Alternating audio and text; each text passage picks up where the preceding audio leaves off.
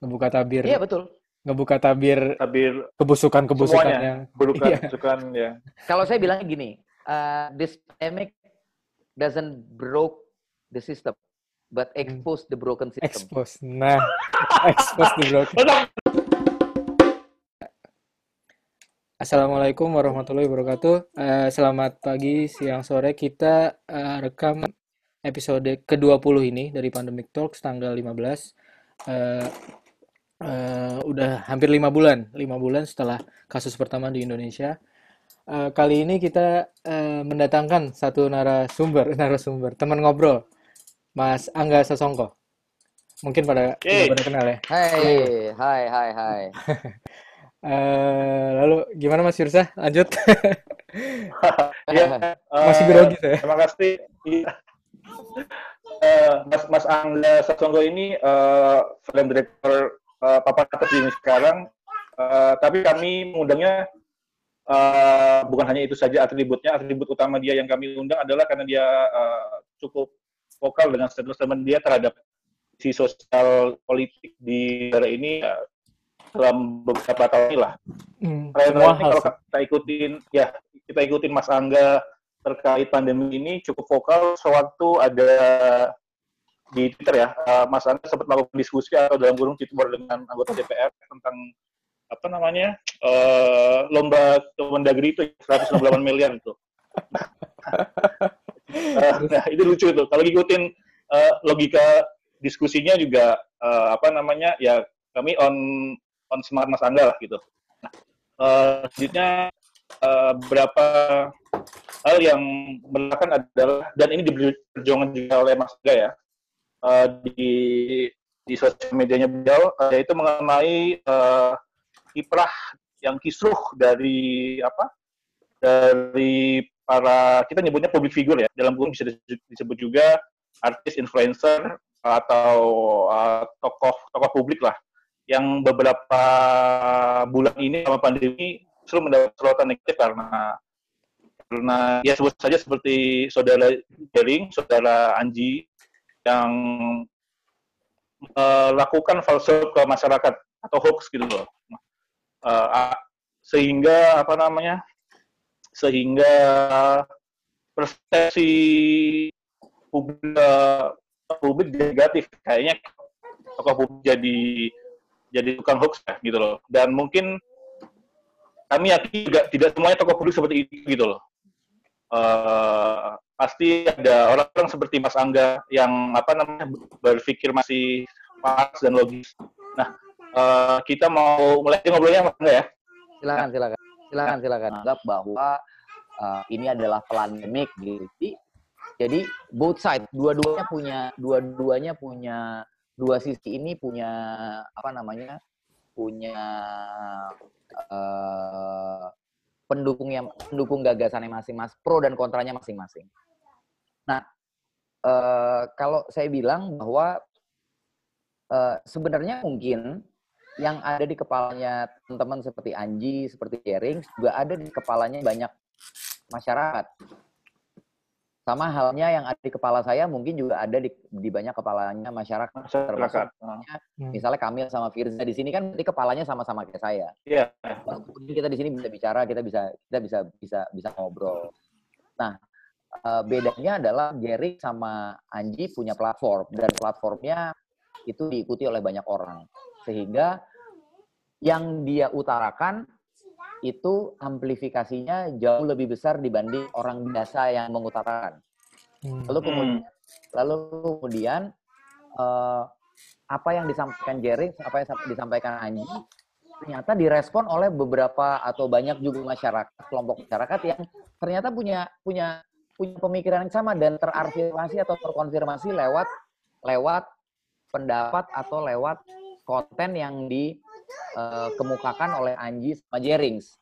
Dan kemudian itu menjadi sebuah kelompok kecil atau misalnya sebuah captive yang kemudian Hmm. captive itu captive itu eh, captive itu eh, apa namanya eh, menjadi snowball gitu Semakin Eh, besar ya. semakin besar bahwa apa yang dipikir dipikirkan orang-orang seperti uh, teman-teman seperti Jerings atau seperti Anji itu nggak nggak cuma karena maksudnya bukan sekedar karena mereka orang kreatif atau kerja di industri kreatif atau mereka selebritas, tapi ya bahwa apa yang dipikirkan oleh Anji, apa yang dipikirkan oleh buah-buah pikirnya Anji dan buah-buah pikirnya Jerings juga yang kita harus pahamin adalah memang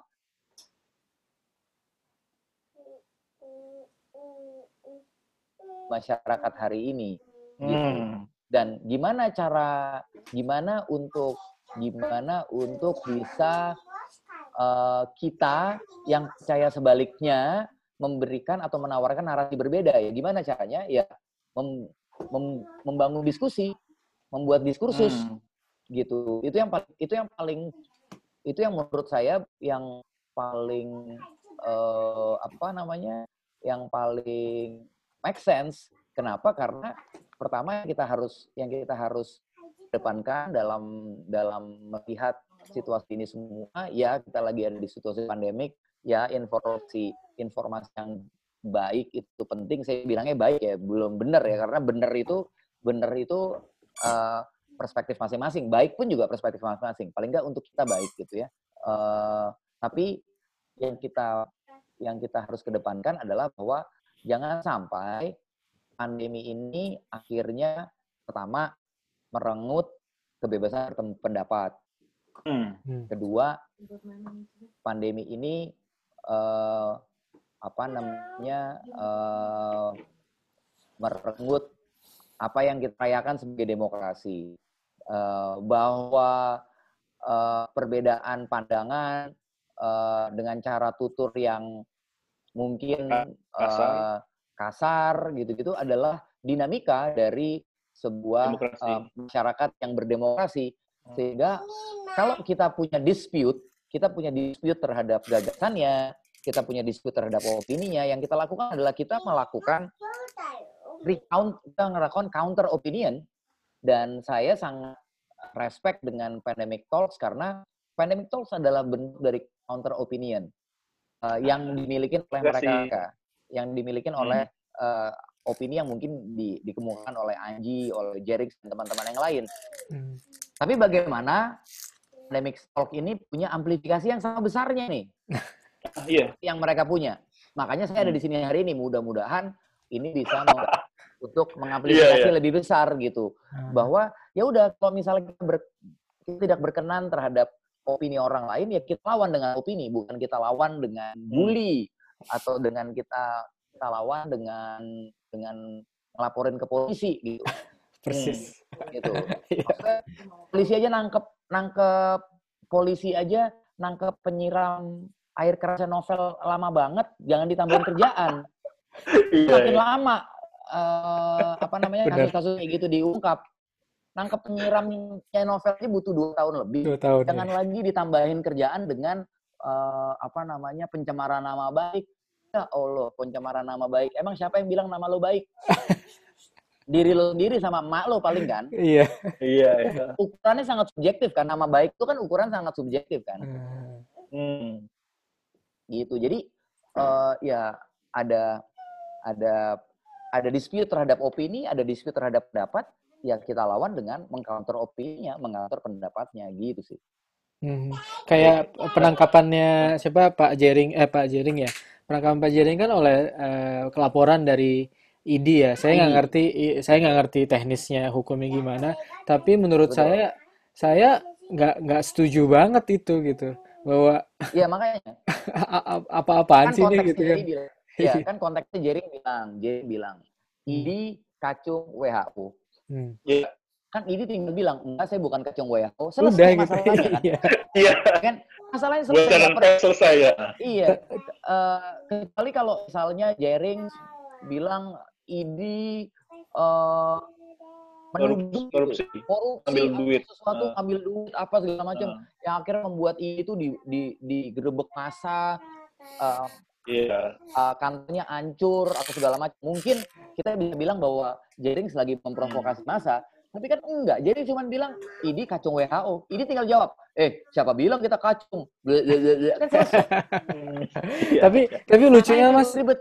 lucunya tuh eh, di circle circle saya mungkin ya atau circle yang lain itu dokter pun kayak dikotomi juga gitu dokter-dokter dan nakes bahwa mere- menurut saya pada punya standar ganda sih. Jadi istilahnya mudah nggak sih? Jadi kalau karena dia eh, karena kita nggak suka sama seorang kalau seorang itu ditangkap dengan cara apa pun ya itu sah-sah aja gitu. Malah malah ya ini ini ini tambah kompleks lagi kan. Jadi di Betul, betul. bebaskan jaring ini kayak orang bingung. Saya sendiri ngomong ke sosial media saya bilang saya nggak setuju jaring ditangkap gitu. Itu pada pada ini Itu juga juga aneh ya. pa- pada aneh gitu. Pada aneh. nganggap pada nganggap saya aneh gitu. Makanya, misalnya gini, misalnya gini, misalnya Iya. Jering berkampanye tentang nggak pakai masker, Yes. Hmm. ya kan?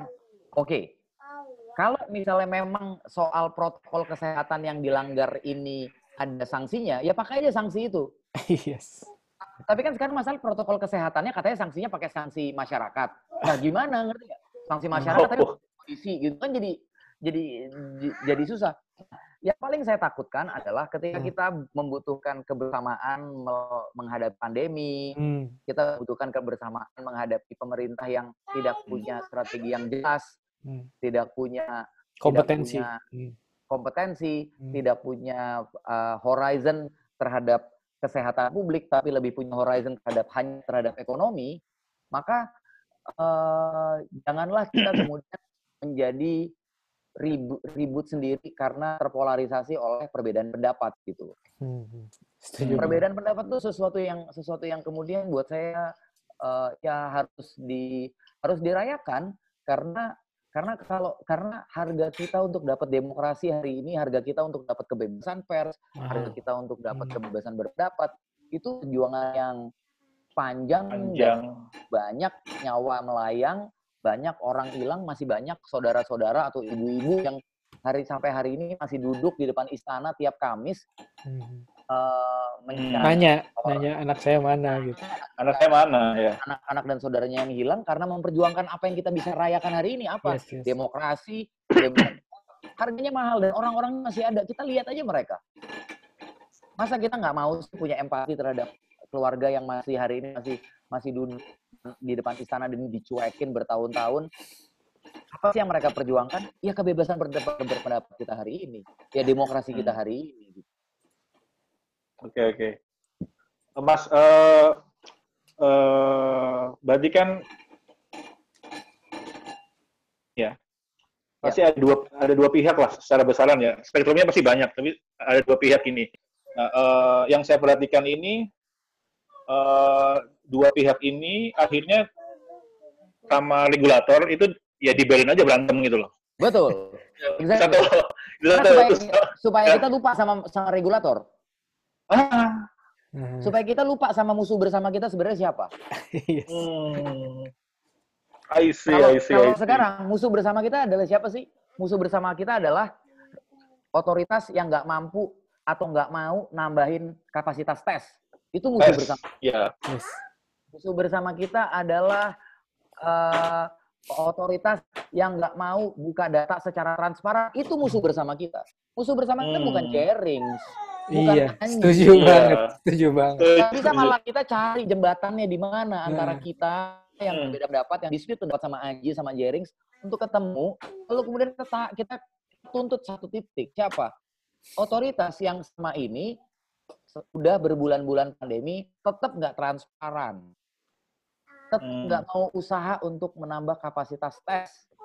Sementara Hmm. kapasitas tes is the only way kita untuk kontrol bisa ya, kontrol. kontrol the spread untuk kontrol penyebaran virusnya. Cuman Jakarta aja yang kapasitas kapasitas tesnya luar biasa di atas standar WHO. Terus kemudian ketika Jakarta nih Jakarta Jakarta angkanya tinggi karena kapasitas tesnya tinggi, digebukin secara politik. Ya, Karena kita lupa sama pemerintah Ah. daerah di daerah lain yang sengaja nggak mau nambahin kapasitas karena mereka nggak mau lihat angkanya tinggi Hmm. gitu. Ini kan ini kita udah kita udah runyam. Siapa yang siapa yang akhirnya mendapat keuntungan atau eh, advantage dari kerunyaman eh, akar rumput dan bisingan di akar rumput ya otoritas Iya, gitu. Setuju banget mas. Iya, iya, Jadi iya. apa Ini, kon- ini, kon- ini mirip sama ini mirip sama Ah. yang situasi yang lagi terjadi sekarang nih. Ada influencer-influencer yang Iya. buat saya polos, lugu, dan Hmm. di apa-apa di briefnya juga seakan-akan mereka kayaknya ditipu, diperalat untuk ngomongin RUU Cipta Kerja. Lalu Hmm. kemudian kita beramai-ramai membuli si influencer-influencer ini. Kita Beramai-ramai ngebukin influencer-influencer ini. Dan kemudian jadi bising. Apa yang kita Iya. lupa? Ngomongin RUU Cipta Kerjanya kita lupa. setuju. Hmm. Siapa yang senang? Siapa yang senang? Otoritas yang lamo, yang lagi mau ngegolin RUU Cipta Kerja yang senang. Ya karena kenapa? Ya udah nih mereka ribut aja sendiri di bawah. Jangan-jangan itu Hmm. adalah strateginya mereka. Sehingga kita yang ada di pergerakan, kita yang bergerak di bawah ini lupa bahwa kita juga perlu berstrategi. Kita perlu Hmm. men- me- menyusun strategi sedemikian rupa lebih so- malah bahkan kalau perlu lebih sophisticated daripada otoritas. Tapi kita nggak melakukan ya, kita maunya ego kita aja, kita maunya berisiknya aja, kita maunya rame-ramenya aja, kita maunya eh, kita yang paling ideal, kelihatan yang kita yang paling idealis, kita yang paling pinter, kita yang paling punya moral, tai kucing lah. Lu butuh berstrategi. Yang pen- kalau misalnya kita masih ber- berpikir tentang moral kita, value kita yang harus dimunculkan, kita yang harus kelihatan bahwa kita ini vokal, ya lama-lama kita makin terpolarisasi. Lama-lama Hmm. pergerakannya makin nggak solid. Lama-lama kita akan berjuang sendiri-sendiri, jadi Yes. faksi masing-masing. Hmm. Hmm. Dengan kita jadi kelompok-kelompok yang lebih kecil, lebih gampang buat disusupin, lebih gampang buat ditwist. Tapi kalau kita mampu berkonsolidasi, nih, terutama dalam soal pembicaraan soal pandemi, narasi soal pandemi ini, kalau kita mampu berkonsolidasi, Hmm. ya, kita akan jauh lebih kuat, kita akan jauh lebih. Ya contohnya misalnya kalau kalau kita lagi demo gitu ya, kalau kita barisan kita lebih kuat, kita kita gandengan tangan lebih kuat, Hmm. ya kita nggak bakal lebih lebih susah untuk diterabas sama sama Petugas, uh, petugas. petugas kan.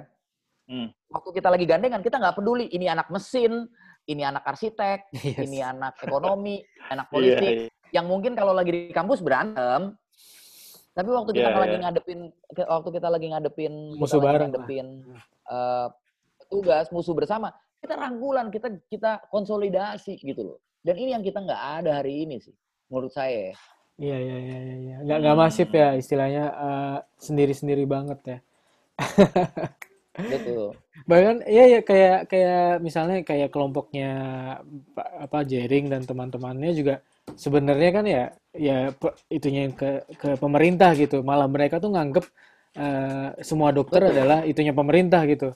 Nah, dokternya juga nakes Iya. yang nakes kan jadi musuh bersama juga sih di masyarakat saya, di circle saya, di teman-teman saya sama pengalamannya di Kalimantan, di Sumatera itu kayak ada resistensi di di rakyat gitu, di masyarakat bahwa eh, aku ini di COVID kan gitu, bahwa aku ke, ke rumah sakit itu pasti Sebenarnya aku adalah diperas. COVID tapi di COVID kan gitu ya. Ya, aku diperas gitu. Hmm. Aku adalah objek itu sangat umum sekarang terjadi gitu.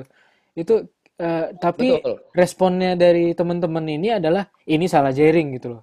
Jadi nakes pun udah Oke. udah udah udah ter ter Udah- kan gitu. Sudah ke distract juga ya. Iya, udah Tapi saya terdistract punya juga. pengalaman. Nah, Saya juga punya pengalaman. Dulu waktu awal-awal pandemi saya pernah demam tinggi dan Ah. demam berdarah.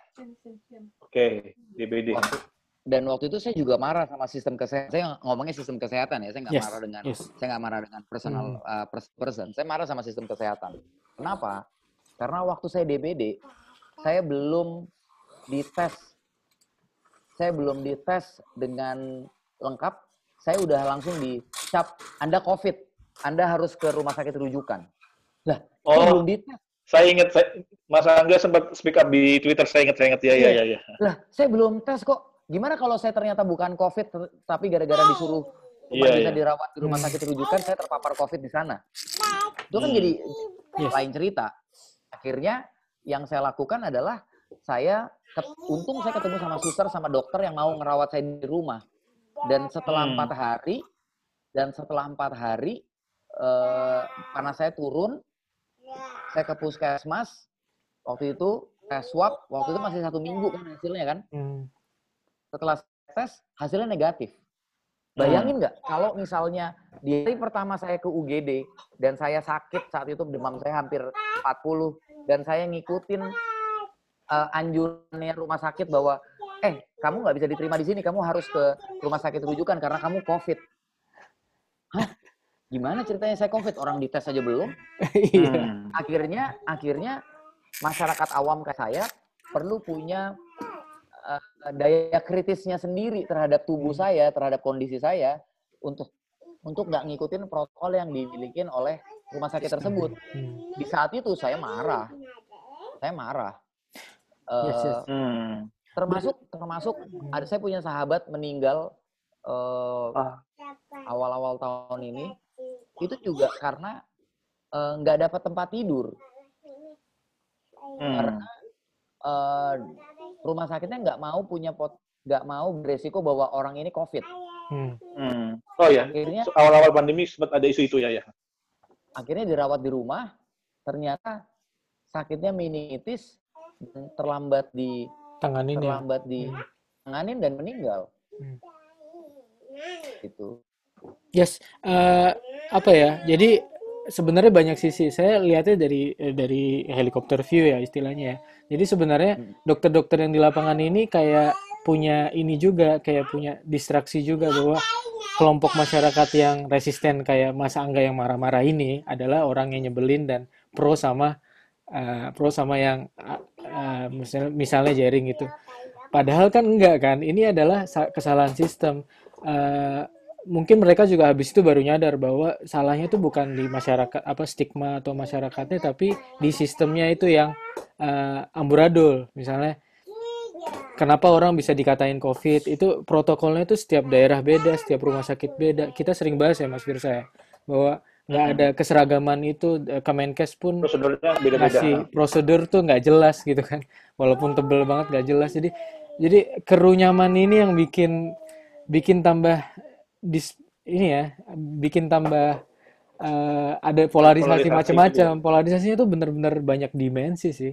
Ada yang ada yang yakin covid nggak ada tapi eh, begini ada yang yakin covid eh, nggak bahaya tapi tetap protokol eh, gitulah. Jadi jadi bener kata Mas Angga apa kurang nggak nggak nyatu dan nggak nyadar kalau sebenarnya yang nggak beres tuh cuma satu yang gede itu otoritas yang emang nggak kompeten gitu ya rada rada rumit ya ya terus terus Eh, eh, Mas, eh, gimana? Kami mau nanya apa?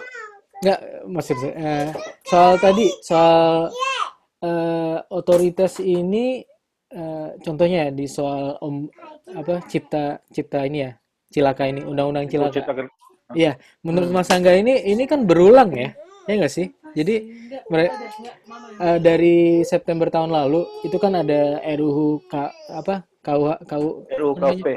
ya itu terus ada PKS yang harusnya gol tapi nggak gol, malah Iya. ada ada undang-undang apa musik itu juga ya ikut-ikutan.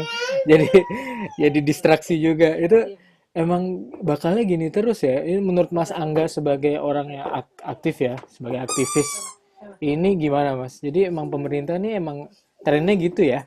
Ya nggak sih? Kalau kalau saya sih lihatnya gini eh apa namanya sekarang lagi kita lagi punya punya situasi di mana eh kita nggak tahu kapan pandemi ini akan berakhir ya kan? Ya kita sekarang mau nggak mau dengan segala keputusannya atau segala kebijakan yang dikemukakan oleh pemerintah dengan membuka banyak eh, hal itu walaupun saya sebagai filmmaker saya sebenarnya bisa bisa bisa aja sangat sangat bahagia? eh, vokal gitu Iya, iya, karena oh iya. vokal. Karena apa? Karena eh, pesawat dibuka. Iya. ya kan? Pesawat Hmm. dibuka pelabuhan Mall dibuka. dibuka. Ya, mall mall dibuka bis dibuka bioskop mau dibuka. mau ikut-ikutan juga Yus. iya iya Sekolah nah, bioskop juga, iya. bioskop sampai hari ini malah belum dibuka kan curang iya Hmm. kenapa yang lain boleh boleh dibuka gue bisa di, di pesawat dua jam loh Eh, Nah, itu Kenapa- kenapa, kenapa akhirnya di Mas bioskop? Angga tidak memutuskan vokal, Mas? kenapa di bioskop nggak dibuka gitu Hmm. karena buat saya juga masih dilematis apakah apakah, apakah ini keputusan yang tepat? Tapi kalau misalnya akhirnya semua buka-buka, bioskop aja lah sekalian. Ngapain juga bioskop nggak dibuka? Surah amat. Hmm. Film bisa Hmm. dapat makan, sutradara nggak bisa dapat makan kan anjing itu dia. gitu. Sekarang sekarang eh nih pilot udah bisa terbang lagi. Eh, siapa pramugari bisa terbang lagi. Manajer hotel bisa kerja lagi. Ya, lalu udah lama lagi ya. Iya. Eh apa namanya? eh, perusahaan ini Sekolah. bisa terima pekerja lagi. Bisa terpenuhi. Sekolah Kenapa buka sekolah. kenapa bioskop nggak boleh dibuka gitu kenapa kenapa sutradara sama produser nggak bisa atau kru film nggak bisa tempat cari nafkahnya juga nggak bisa dibuka kan nggak adil bahwa, bahwa kebijakannya tuh masih masih nggak jelas gitu masih nggak pasti gitu Hmm. nah eh, di situ di- dan kita nggak tahu ini akan ter, akan akan akan berlangsung sampai kapan mungkin kita hanya berharap sama vaksin nih hari ini gitu Yes. Nah, eh, tapi kita juga masih dihantui oleh banyak isu di mana di situasi di mana masyarakat sulit bergerak seperti sekarang, di satu sisi ada pihak-pihak yang berusaha mencari keuntungan dengan mengumpulkan banyak peraturan-peraturan atau banyak eh, hukum-hukum atau undang-undang yang mungkin hanya me- mengedepankan ke- ke- kepentingan pihak-pihak tertentu tanpa melihat Hmm. tanpa melihat uh, kepentingan umum atau kepentingan masyarakat. Itu memang akan jadi itu memang yang akan jadi uh, struggling kita sampai pandemi ini selesai sih. Bagaimana kita memilih prioritas? Apa prioritas kita? Dan kita memang sengaja kayaknya di di dibenturin soal soal skala prioritas. Apakah kita lagi Hmm. memprioritaskan tentang misalnya contohnya RUU Cipta Kerja. Apa yang kita bisa lakukan adalah mungkin menekan menekan DPR dengan kita turun ke jalan. Tapi kan turun Iya, ke ini jalan, udah mulai turun ke jalan. Nah. tapi kan dengan turun ke jalan kita juga mikir dua tiga kali. Gimana kalau kita terpapar COVID di di Pas turun ya. eh, di Iya, pas iya. demonstrasi. Terus saya bawa COVID ke rumah terus kena anak saya kecil. Kan nggak adil juga. Maksudnya Ngerti nggak? Ini kan Hmm. sesuatu yang situasi yang memang sedang dimanfaatkan dan dan ya eh, saya sih kalau ditanya terus solusinya apa Mas Angga? Berdoa aja mau gimana lagi. Iya, iya, iya. Pak Terawan juga suruh kita berdoa kan untuk ngatasin pandemi. Iya, iya. Yang yang yang terakhir malah itu ya, eh, balik ke yang bicara masa agak awal tadi apa? eh, para influencer yang tanda kutip polos-polos dimanfaatkan oleh otoritas sebagai garda depan ini ya. Eh, Iya. Apa namanya? Eh, Yang. Indonesia butuh kerja. ah. Terus Iya, iya. eh, eh, hashtag malah itu ya. ya menurut Mas Angga kan apa namanya kita malah bentur-benturan sendiri gitu loh justru itu Eh, dan tanpa strategi. Iya jadinya ya semakin melenggang lah itu gitu yang otoritas yang memanfaatkan kondisi ini. Jadi emang betul ya eh, kita tuh emang butuh eh, sebagai ini ya sebagai commoners gitu sebagai orang eh, orang biasa sebenarnya. Walaupun pesohor kan tetap level di kebijakan kan tetap orang biasa kan istilahnya suaranya tetap satu gitu itu harus tetap eh, konsisten ya untuk untuk eh, menjadi agensi pergerakan ya Ya, punya punya hak Hmm, kan betul. punya- nah. ya ya ya ya Saya ini, saya tertarik eh, replay tweet Mas Angga dua hari ini kali ya. Mas Angga, ma- menurut saya- menurut saya Mas Angga punya beban sosial yang besar gitu loh. Sampai Mas Angga bilang gini, ya mungkin salah saya karena saya tidak cukup memberitahukan hal-hal ini kepada teman-teman saya gitu loh. Nah, eh, yang jadi pertanyaan saya, eh, apakah apakah banyak orang-orang kayak Mas Angga sebagai public figure yang berpikir kritis dan punya beban sosial seperti Mas Angga kan kan bisa aja nih Mas Angga memilih hidup yang lebih nyaman kan Eh, ya udah ma- ma- masalah bodoh lah masalah apa eh, UKWP masalah covid masalah apa lomba iya, iya. mendagri video yang konyol itu gitu loh Eh, disparitas eh, fraksi- faksi-faksi di industri kreatif itu kalau saya dari awam ya, melihatnya tuh orang kayak Mas Angga itu cuma hanya satu gitu loh itu kenapa Mas? Enggak, sebenarnya kayak misalnya contohnya waktu misalnya ya saya deket sama Gading, saya deket sama Ardito gitu ya. Mungkin saya ya saatnya sekarang teman-teman di pergerakan tuh bisa berkaca sama dirinya sendiri. Apakah Hmm. are we doing the right strategy to um, uh, apa namanya to force our agenda gitu ya. Hmm. Uh, atau jangan-jangan kita sekarang sekarang lagi echo chamber. Ya kita hmm. kita kita berisik, hmm, kita berisik, kita berisik, kita berani, kita ngomong tapi ya yang ngomong pada akhirnya lingkaran itu itu aja bertahun-tahun di bubble-nya sendiri ya. di bubble sendiri gitu iya, iya.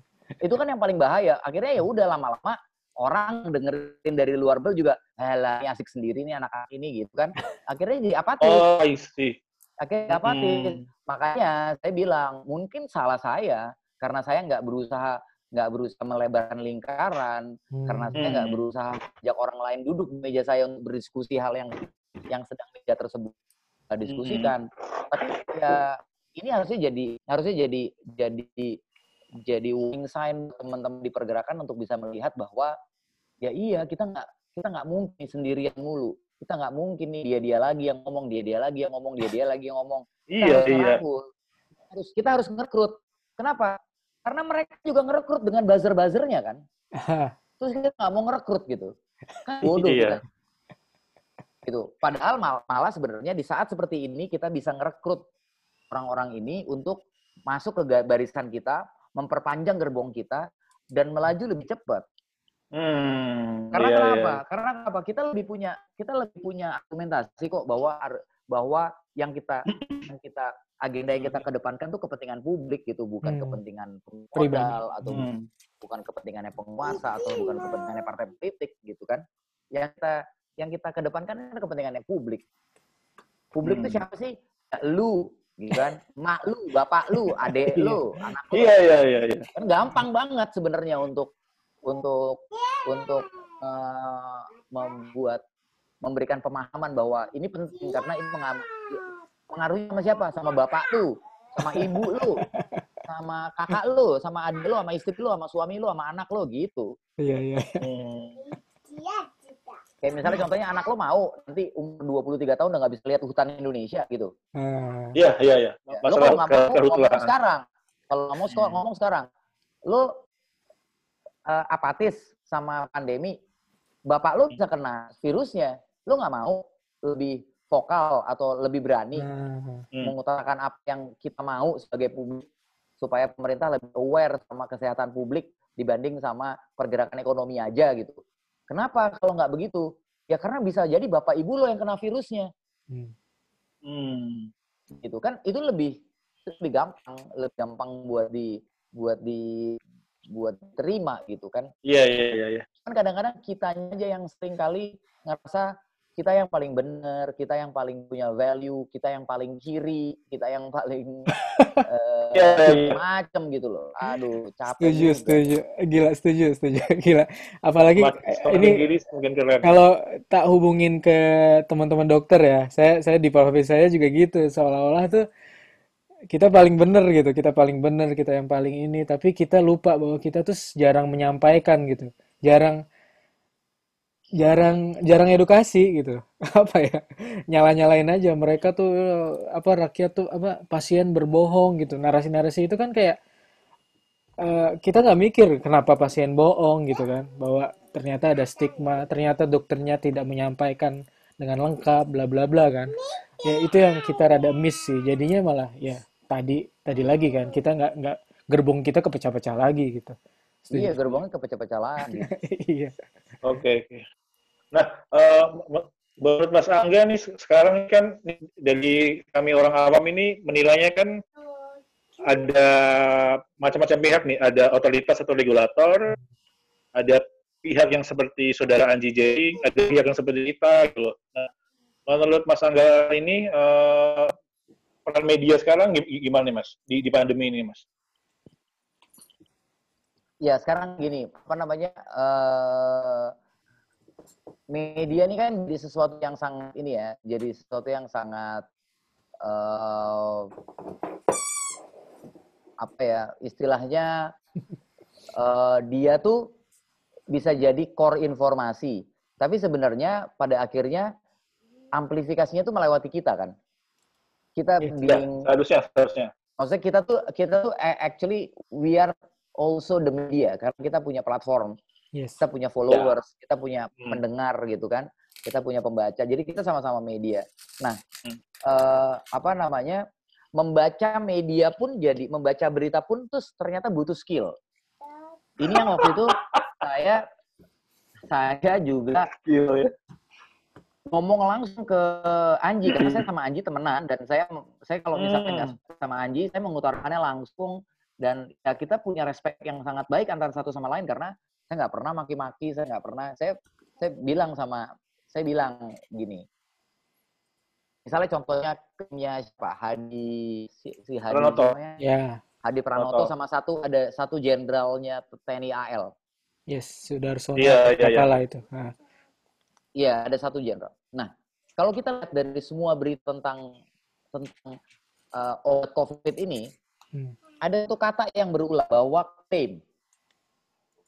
Jadi media Hmm. menulis ini tuh klaim. Hmm. Jadi mereka mengklaim. Tapi kalau kita lihat baca beritanya, di ending setiap berita selalu di media tersebut nulis paragraf terakhir. Kami beru- berusaha mengklarifikasi, mencoba mendapat klarifikasi dari pihak misalnya yang di yang diklaim adalah BPOM Wisma Atlet atau- Hmm. atau yang diklaim BPOM. Semua nggak ada yang nggak ada yang punya klarifikasinya. Berarti kan ini masih one sided. Memang ada kesalahan di medianya. Udah kayak begitu ngapain lo terbitin beritanya bodong? Gitu. Itu kan kalau cuma nambah-nambah clickbait doang ya kalian Hmm. berarti bagian dari problemnya. Hmm. Udah jelas yang namanya berita itu harus ada berimbang. Berarti berita-berita yang terhadap Hadi Pra- Pranoto dan si dok eh, si dokter yang nyip, dokter TNI AL yang nyiptain Dokter. Yang- Dokter. klaim meng- Iya, iya. menciptakan obat ini ya baru one sided. Bahkan kalau kita perhatiin, saya menemukan satu berita bisa dicari bahwa Kadispen TNI AL, Kepala Dinas Penerangan TNI AL, bahkan menyebutkan bahwa apa pun yang dilakukan oleh dokter eh, si dokter ini Hmm. terhadap obat COVID tidak ada kaitannya sama TNI AL. Berarti TNI AL aja udah mau melepas tanggung jawab. Berarti kan ada yang salah nih sama informasi ini. Yes. Harusnya tugasnya media kan menelusuri investigasi. Investigasi. Benar apa enggak Hmm. kan malah jadi corongnya mereka untuk mengakui klaim.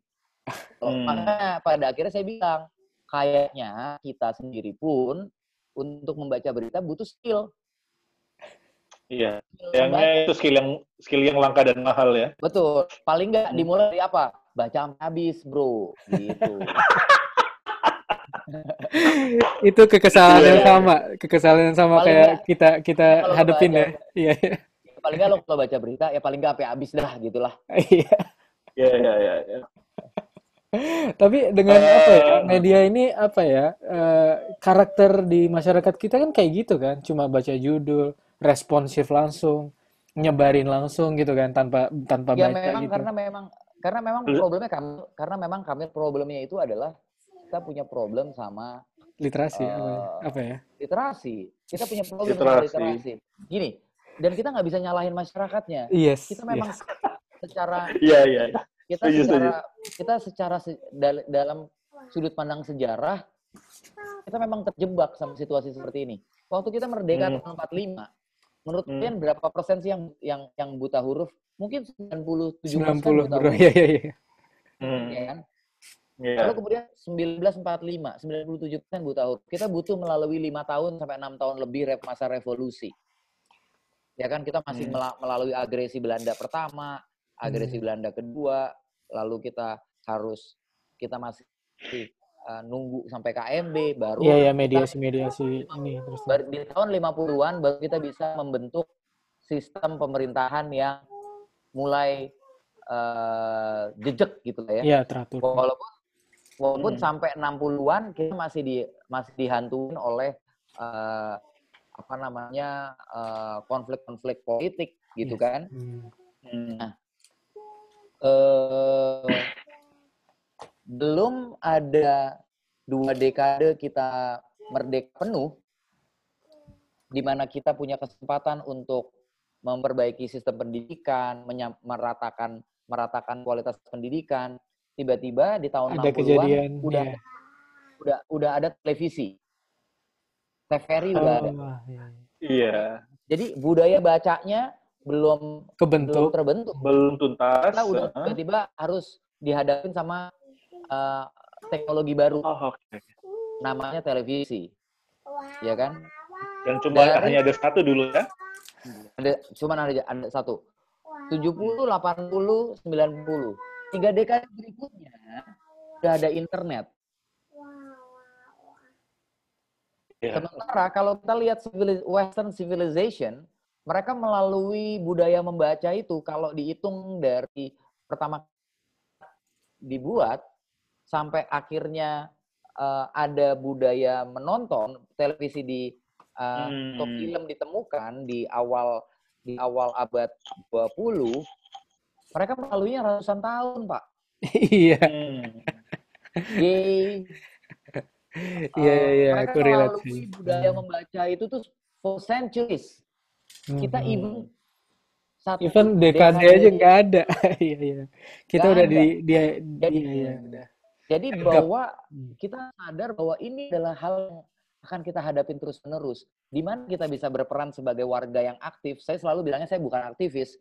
Saya selalu Hmm. saya selalu menghindar dari dari kata aktivis karena saya bukan aktivis gitu ya. Hmm. Eh, saya masih punya bisnis, saya masih punya macam-macam gitu. Jadi saya bukan aktivis.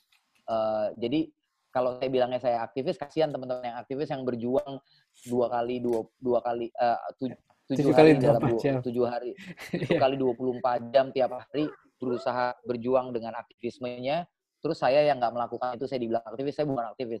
Saya Yes. selalu bilang saya itu saya tuh saya bilangnya saya itu active citizen. Saya warga negara yang aktif. Nah, sebagai masuk. warga negara yang Hmm. sebagai warga negara yang aktif, mungkin yang bisa kita lakukan adalah ya membantu proses literasi ini. Ya memang capek, capek. Tapi problemnya adalah kalau saya ngerasa kenapa sih enggak lo sok peduli atau ini Hmm. kenapa? Enggak, simple aja. Saya bukan saya bukan ya elah follower saya juga segitu-segitu doang gitu kan. saya juga nggak dapat duit dari bacot-bacotannya saya, tapi saya ngerasa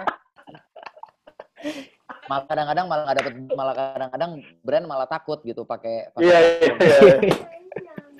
Malah kadang-kadang suka dijewerin sama teman-teman sekitar sama partner-partner partner-partner bisnis juga dikasih tahu eh jangan dong udah dong udah dong gitu. Lo punya bisnis lo, lo punya karyawan banyak lo gitu. Iya, tapi iya, enggak saya bilang enggak ini bukan tentang saya. Ini tentang saya pengen Indonesia kayak apa sih buat anak saya gitu. Yes, yes. Hmm. Hmm. ngerti nggak? Saya punya anak nih satu namanya Angkasa Rigel. Ya sekarang saya devoted I'm, I'm devoting my life for him gitu bahwa Hmm. kalau sekarang saya kalau sekarang saya ngomong soal RUU Cipta Kerja karena saya pengen anak saya masih melihat hutannya Indonesia 20 tahun lagi. Saya masih pengen eh, dia hidup di kota yang punya kualitas udara lebih baik daripada hari ini gitu. Gimana cara kita melakukan itu? Ya saya bukan orang yang punya akses terhadap kebijakan, saya nggak punya akses terhadap kekuasaan, tapi saya punya platform. Apa? Sosial media. Saya punya Hmm. platform film. Ya melalui platform-platform saya paling nggak saya mengutarakan apa yang saya gelisahkan. Gitu aja sih. Sebenarnya Hmm. sesimpel itu. Sama-sama. Kita juga di Pandemic Talk juga sa- saya sama Virsa sama Muti juga sama-sama si- siapa sih kita gitu kan? Apa ngapain Iya. sih kita eh, rutin gitu kayak gini juga sama. Kita melihat gap informasi ini ada di masyarakat tuh diskursusnya ada tuh karena nggak nyampe kan informasi-informasinya.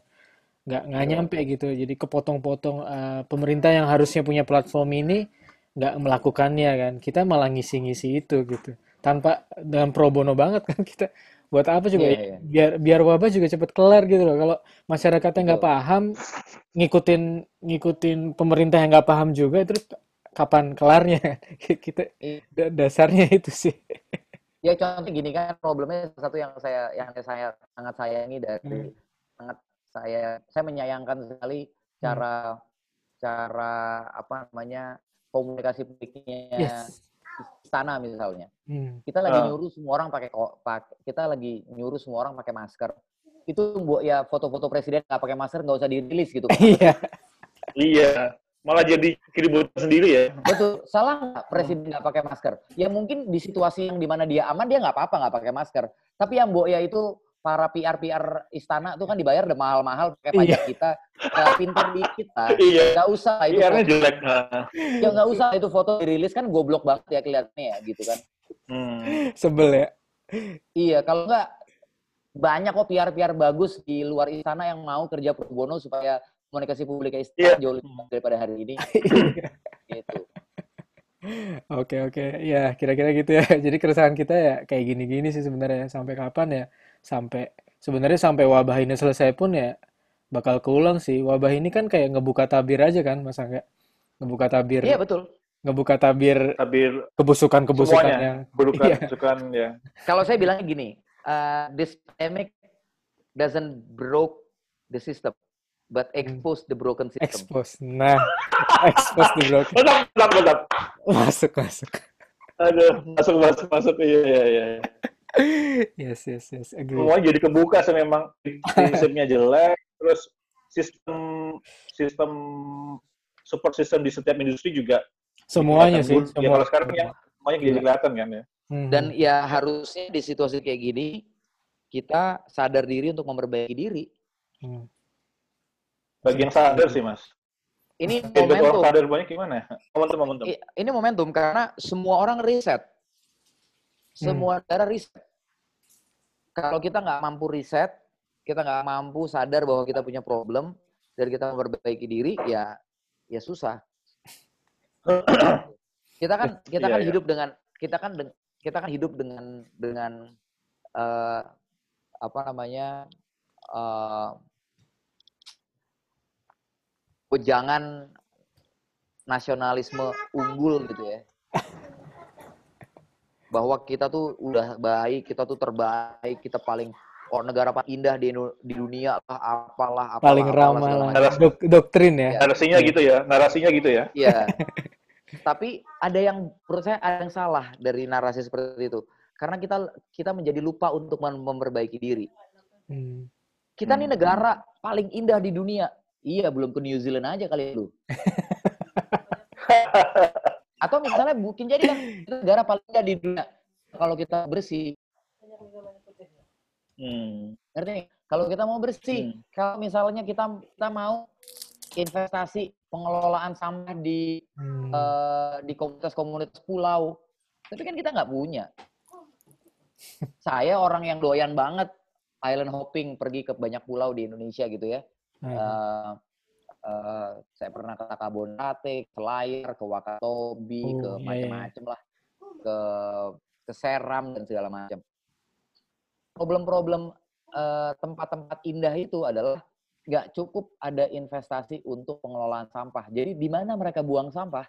Di ketika ada kok pulau yang kecil, di mana? ya di pulaunya Laut. Eh, di laut ya ya laut. di laut ya iya ya kan?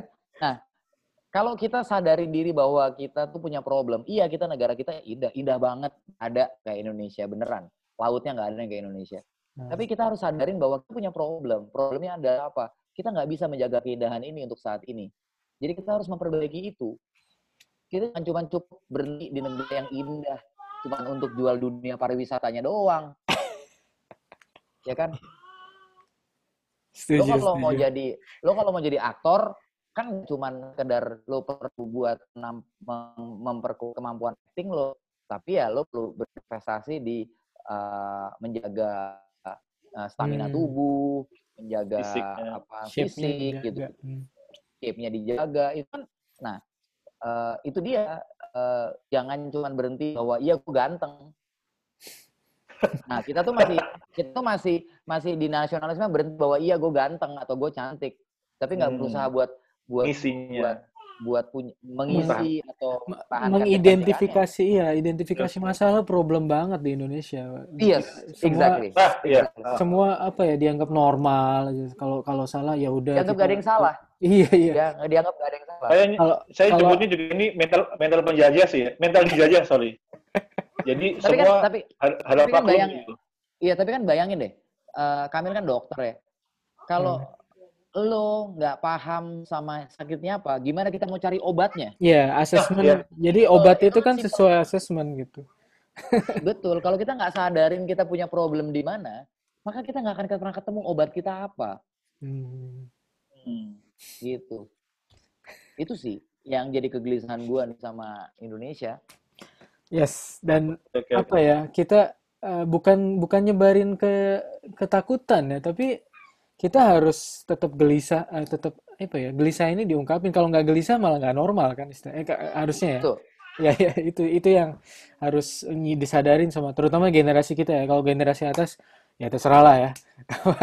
Soalnya ya ya Rusaknya gara-gara mereka kok. iya itu dia. Kadang ya saya Iya, iya. saya saya rada kasaran nih walaupun despite of eh, apa orang tua kita juga generasi atas. Eh, kalau ada Thanos kalau ada Thanos klik tuh kalau kalau yang bi- bisa hilang boomer aja gitu lah. Yang generasi kita Iya. tetap aja gitu. Tapi Untuk tapi sekarang banyak generasi kita millennials millennials yang seperti boomers juga ya soalnya ya. Oh iya Pola iya. iya. pikirnya itu tadi apa? Tidak bisa identifikasi masalah, terus merasa maklum. Jadi saya tadi nyebut mental mental dijajah gitu loh. Ya udahlah, kita kan harus terima kasih ke negara gitu loh. Nah, Iya, dan mental Akhirnya health. jadi lawan katanya Mas Angga tadi, Mas Angga sebagai aktif citizen, mungkin feeling saya 90% orang Indonesia itu pasif citizen kali. Jadi kayak terima yang pangdung gitu loh, Mas. Jawanya itu loh, yang pangdungnya. Iya iya iya. Makanya orang-orang kayak, kayak kita dianggap aneh kan? Apa sih lo sosok ini kritis? Gak sesuai budaya terima yang pangdung itu loh. Iya. Oke, em, udah sejam ini. Hmm. Mas. Mas Angga kira-kira ada ada yang perlu Ya, tapi ini lagi ngomong lagi apa gitu terserah. Kita Ya, sih udah Mas lagi boleh Mas? saya balik lagi Kita- ke balik lagi yang perke- yang yang ke yang pertama Hmm. ya maksudnya uh, ini tuh unprecedented this has never happened to our generation before gitu ya Hmm. tapi percaya aja kalau kita bisa ngelaluin ini dengan benar kita ngelaluin ini dengan baik Amin, amin. We are going to be better generation better person in each of us dan uh, mudah-mudahan ini jadi modal kita untuk berubah mudah-mudahan ini jadi modal kita untuk memperbaiki Hmm, Indonesia yang sama-sama kita cintain dan kita sayangin ini. Gitu. Hmm. Oke. Amin, Mas. Ble- setuju. blessing is Oke. disguise ya istilahnya kayak gitu ya. yes yes. Thank eh, ya itu dia. Kita harus percaya bahwa bahwa this pandemic doesn't break the system, it Tapi expose expose the broken, the broken system. Gitu. That's Dan kita punya momentum, kita punya momentumnya untuk the broken system. Pertanyaannya, kita mau ambil momentumnya apa enggak itu aja. hmm. oke. Semua Tapi punya izin- agensi ya. Hmm. Izin kutipan ini kami jadikan infografis ya, by Mas Angga ya. Boleh. Oke, oke. Mas, ini nanti ada satu Bahasa Inggrisnya dari saya dibenerin, dan- Nap, Bahasa Inggrisnya dibenerin ya.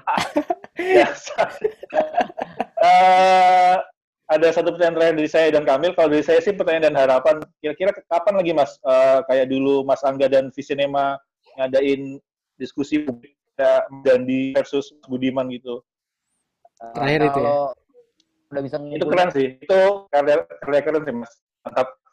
kalau udah bisa ngumpul ya. Iya, iya, iya. Oke Siap, oke. siap. Kamil ada lagi? Udah, kayaknya udah. Habis ini saya eh, stop recordingnya, kita ini dulu ya. Eh, kita ngobrol-ngobrol habis, gosip-gosip dikit. Iya.